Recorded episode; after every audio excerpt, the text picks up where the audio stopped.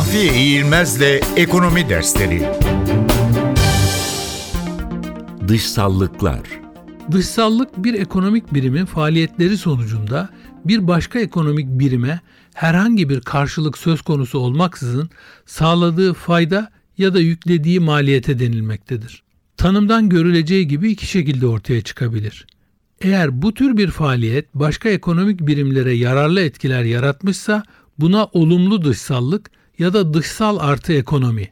Tersine bu faaliyet başkalarına zarar getirmişse olumsuz dışsallık ya da dışsal eksi ekonomi denilmektedir.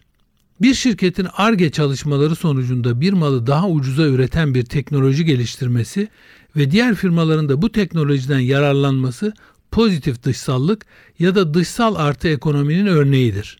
Bir fabrikanın nehire bıraktığı atıklar o nehrin suyunu tarla sulamada kullanan çiftçilerin ürettiği ürünlerin kalitesinde düşüş yaratmışsa burada da dışsal eksi ekonomi söz konusu olmuş demektir.